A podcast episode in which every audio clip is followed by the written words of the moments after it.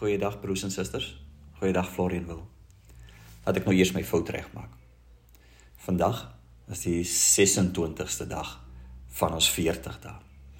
Eerens langs die pad het ek uh, te vinnig gegaan. Maar dankie dat ek reg gehelp is. Baie dankie Elise. Jy is jy is skerp. So dis vandag die 26ste dag van ons 40 dae. Dis Sondag.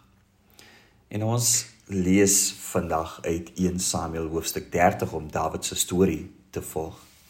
Wat ek reg aan die begin tog weer wil sê is dat ons volg Dawid se lewe. Ons sien die vorming wat in sy lewe plaasvind deur 'n verskeidenheid van omstandighede. En op daardie manier leer en ervaar Dawid die hand van die Here in sy lewe. My vriende ons ek doen vir ons 'n gebed. Baie dankie Heer vir 'n oomblik soos hierdie. En dankie Here vir 'n Sondag Here. En baie dankie Hemelse Vader dat ons kan stil raak voor U aangesig.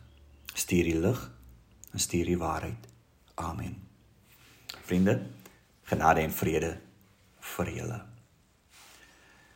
Ons sal enkele verse lees vanuit hoofstuk 30, 1 Samuel 30. Vereers vers 1 tot 6. Toe Dawid en sy manne die derde dag by Siklag aankom, het die Amalekiete 'n strooptog uitgevoer in die Negev en in Siklag. Hulle het Siklag aangeval en afgebrand. Hulle die vroue wat daarin was, weggevoer, van die kleinste tot die grootste. Hulle het niemand doodgemaak nie, maar hulle voor hulle uitgejaag en pad gegee. Toe Dawid en sy manne by die dorp aankom, daar is die dorp afgebrand en die vroue en seuns en dogters weggevoer. Dawid en die manskappe by hom het hard begin skreeu en gehuil totdat daar nie meer krag in hulle oor was om te huil nie. Die twee vroue van Dawid, Aginoam van Jesreel en Abigail Die weduwee van Nabal van Karmel is ook weggevoer. Dawid was erg in die noute, want die manskappe het gedreig om hom te stenig. Al die manskappe was immers bitter ontstel, elkeen oor sy seuns en dogters. Maar Dawid het krag gevind by die Here, sy God. Vers 9. Dawid het toe vertrek. Hy en die 600 man by hom En toe hulle by die dal van Besor aankom, het die wat agter geraak het, daar agter gebly. Vers 21. Toe Dawid by die 200 manne aankom wat te moeg was om Dawid te volg en vir wie hulle die dal van Besor agtergelaat het, het hulle Dawid en die manskappe wat by hom was tegemoet gegaan. Toe Dawid by die manskappe kom, het hy gevra hoe dit met hulle gaan. Maar al die slegtes en deugniete onder die manne wat saam met Dawid gegaan het, het gereageer en gesê: "Omdat hulle nie saam met ons gegaan het nie, sal ons nie vir hulle van die byt gee wat ons teruggevat het nie. Behalwe elkeen se vrou en kinders, die mag hulle weglê en dan moet hulle gaan." Maar Dawid het gesê: "My broers, julle mag nie so maak met wat die Here vir ons gegee het nie. Hy het ons beskerm in die rowerbende wat teen ons te staan gekom het in ons hand gegee. Wie sal na julle luister in hierdie saak?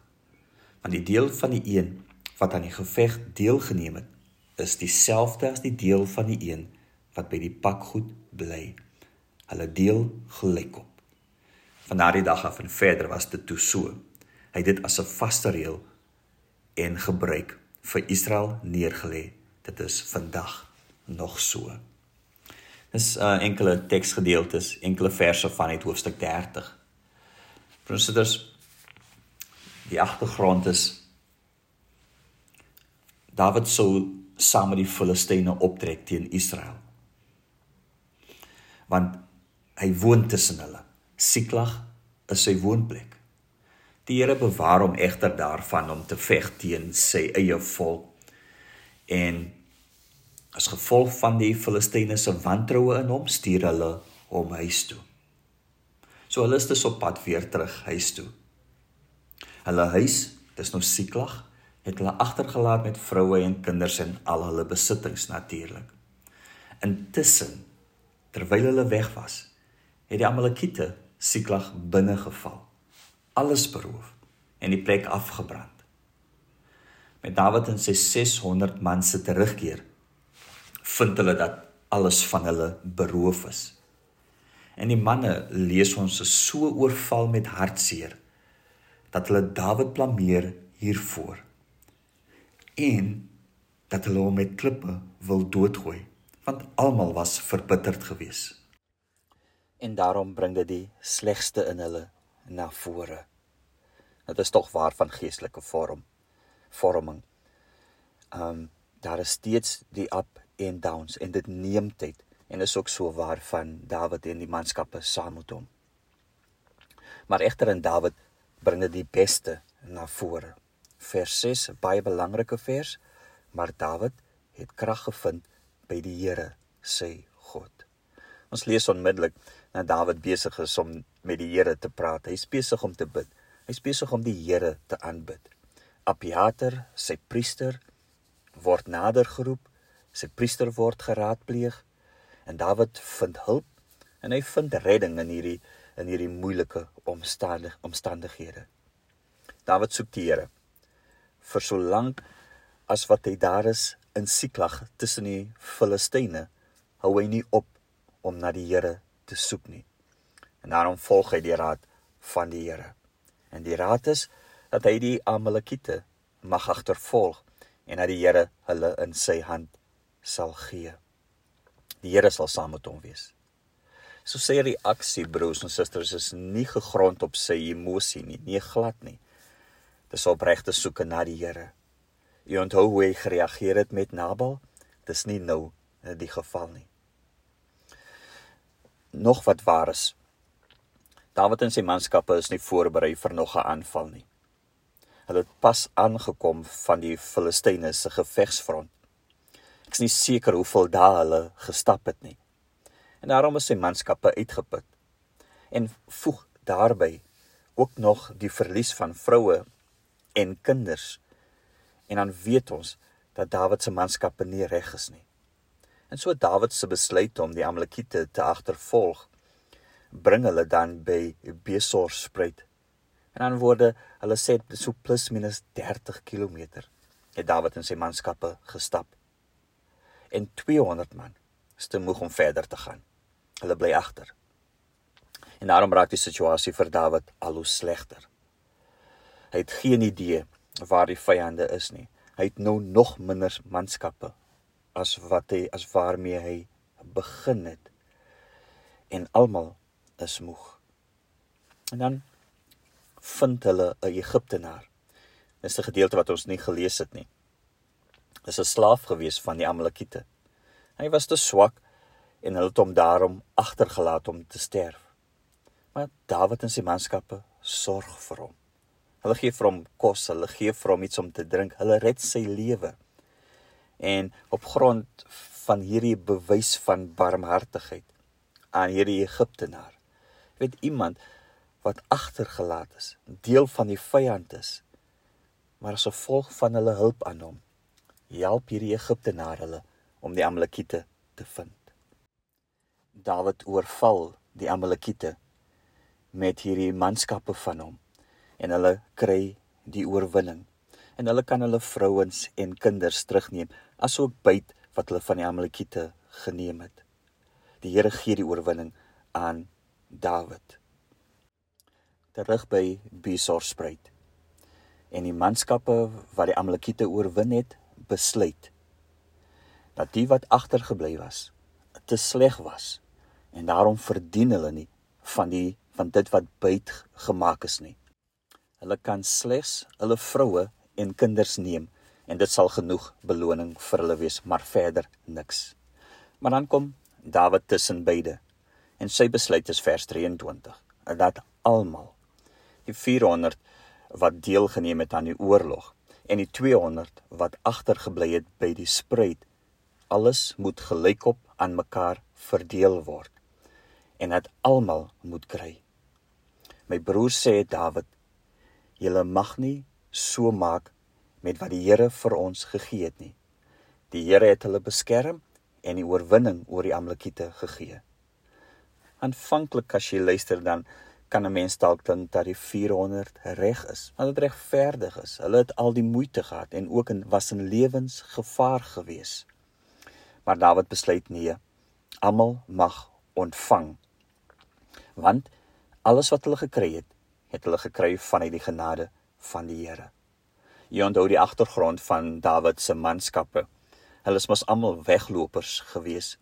Mense wat by hom aangesluit het in die wildernis mense wat op 'n manier weggehardloop het.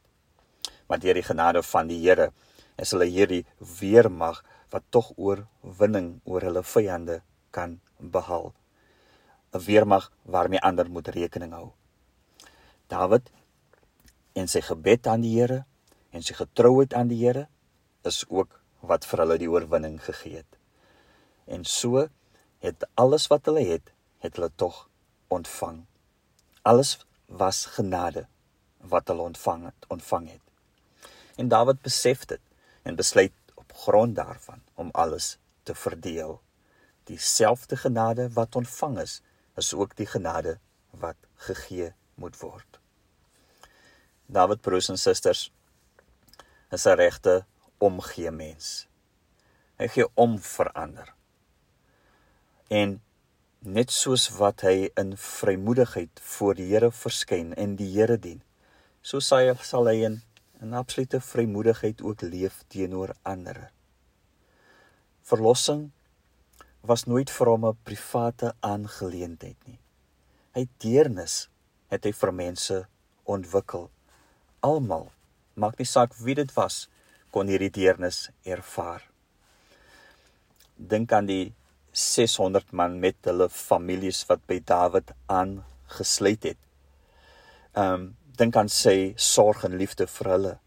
Dink aan sy liefde vir Saul, sy vriend Jonathan. Sy omgee vir veewagters en vreemdelinge in die wildernis. En dit is skaars deesdae. Hierdie omgee vir ander mense, hierdie liefde vir ander mense. Wat ons soms vandag vind is dat ons 'n sentimentele omgee het. En dit vervang die ware liefde en omgee vir mense. Ware omgee vir sommige ja. Vir die wat die naaste aan ons is, ja. Maar baie kere het liefde ook 'n perk in ons in ons lewens. En soms het ons net 'n jammer gevoel vir ander mense.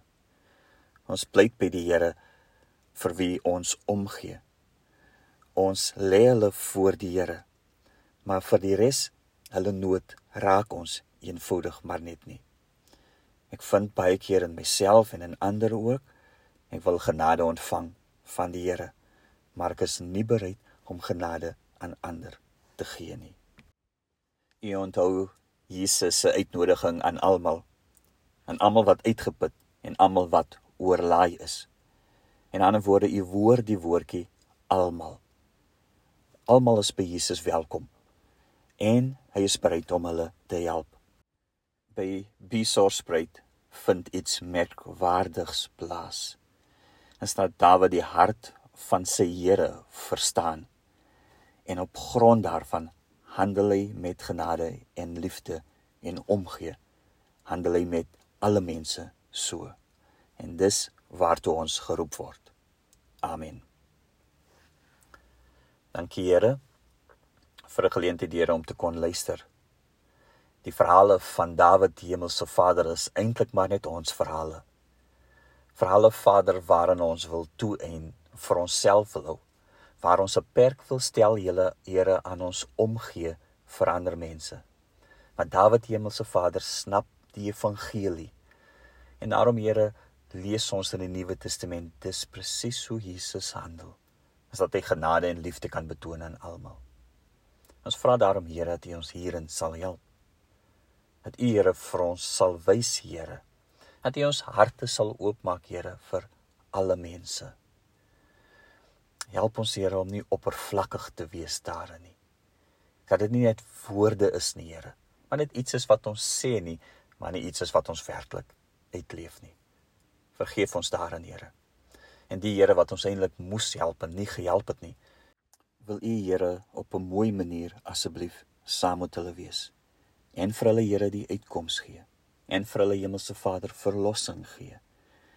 Here, gee dat U omgee, Here, vir hulle genoeg sal wees. Dankie Vader. Skep vir my 'n rein hart, o God. Vernuwe my gees en maak my standvastig. Wat my tog nie van U af wegdryf en die Heilige Gees van my af wegneem nie. Mag die genade van ons Heer Jesus Christus, mag die liefde van God, troos en bemoediging van die Heilige Gees saam met elkeen van ons wees. Amen.